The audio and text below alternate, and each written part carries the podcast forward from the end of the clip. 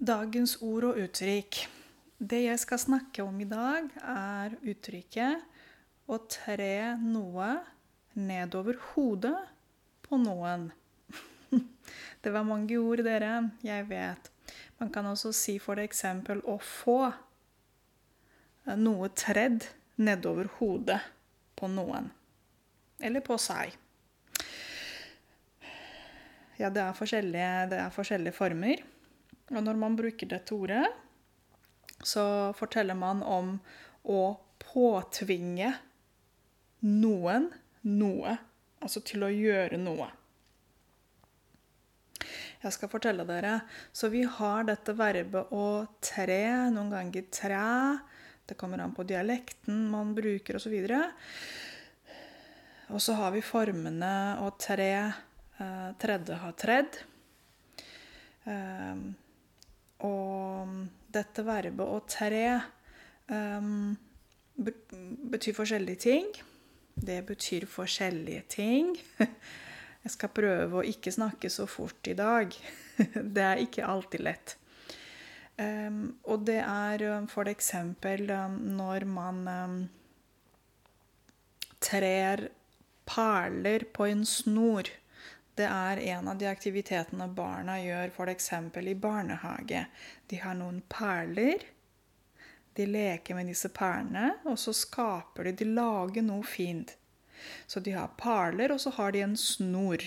Eller tråd, hvis du vil. ok? Og de trer perlene på en snor, fordi perlene har et hull, ikke sant? Man kan gjøre det samme f.eks. med Hva mer? Ja, hvis man har f.eks. jordbær bringebær, så kan man tre jordbær på et strå. Eller så kan man tre i skolisene. Når du tar skolisene på skoene dine. Nå snakker vi om sko, ikke sant? Ehm, hva mer betyr det? Og tre eh, betyr f.eks. også når du tar klær på deg. Eh, du kan si at du trer genseren over hodet, f.eks. Eller du trer på deg hanskene, vottene dine. Det betyr du tar dem på deg. Altså Ja. Så der har vi verbet å tre. Men som sagt til dere, dette her å tre noe nedover hodet på noen, det betyr at um, du påtvinger noen til å gjøre noe. At du bruker, du bruker tvang på å få noe inn i hodet til en annen person.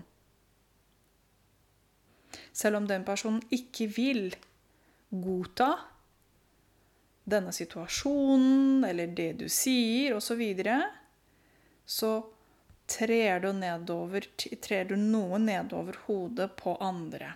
Jeg skal gi dere noen eksempler, så håper jeg det blir litt lettere for dere. La oss starte Hva skal vi si der? Ja, hvis vi snakker om barn i barnehage eller barn på skole. Så kan vi si at en pedagog eller vi kan også si for eksempel hvis vi snakker om barnehage, en barnehageassistent kan tre mye nedover hodet på barna. Og det de sier til barna, er viktig. Det betyr her alle de tingene eh, en pedagog eller en barnehageassistent for eksempel gjør med barna. Fordi når du jobber sant, i barnehage, så Du som voksen, eller de som jobber der, de voksne, de kommer med pedagogiske ideer, aktiviteter og hva de skal gjøre sammen. Det er didaktiske aktiviteter. De bruker rommet de sitter på. De kan gå ut. De kan gjøre masse forskjellige ting. Og det skaper noen nye ideer i hodet til barna. Nesten som du putter ideer i hodene til barna. Og det er viktig. Eh, det er viktig å lære f.eks. barn å si takk og smile. Ok? Så selv om barn vil ikke det. Noen ganger, da. Hvis vi snakker f.eks. om et firma som kommer med noen nye regler, og den nye, den nye sjefen mm, Og disse reglene, da, la oss si at de reglene fra den nye sjefen blir tredd nedover hodet på alle ansatte. Det betyr at selv om de ansatte ikke godtar Altså de At selv om de ikke aksepterer disse nye reglene, så har de ikke noe valg. De får De blir tredd nye reformer, nye planer, nye regler nedover hodet på dem.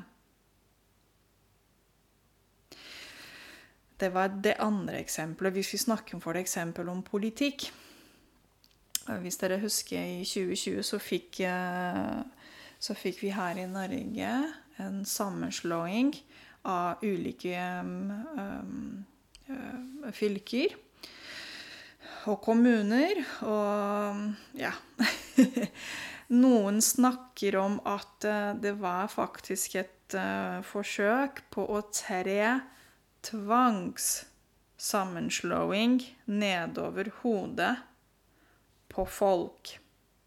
Det betyr at det som regjeringen, altså Høyre, som regjerte i 2019, og det ble implementert 1.1.2020 det regjeringen gjorde, var å tre disse tankene, sammenslåingen, nedover på hodet, nedover hodet på folk, befolkningen i Norge.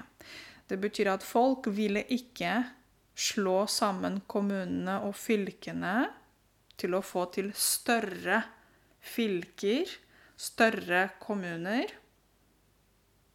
Og det var bare regjeringen som brukte tvang, force på engelsk, på en måte tvang til å få disse ideene um, til å bli til realitet, hvis jeg kan si det sånn. Eller så kan man også stille seg, stille seg selv et spørsmål som f.eks.: Hva skjer hvis de som sitter med makt og penger, trer et vedtak nedover hodet på folket. Så eksempel, hva skjer hvis folk som har makt og penger, kanskje politikere, ofte er politikere eller um, store sjefer i konserner og toppledere, f.eks., hva skjer om de trer et vedtak nedover hodet på folket?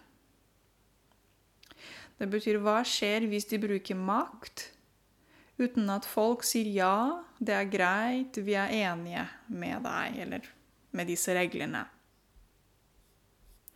Så jeg håper at dere forstår det. Det er ikke så veldig vanskelig, men jeg vet ikke om jeg gjorde det. Jeg har gjort det litt lettere for dere. men ja. Um, så det var det for i dag, dere. Å tre nedover hodet på noen. Eller du kan også si f.eks.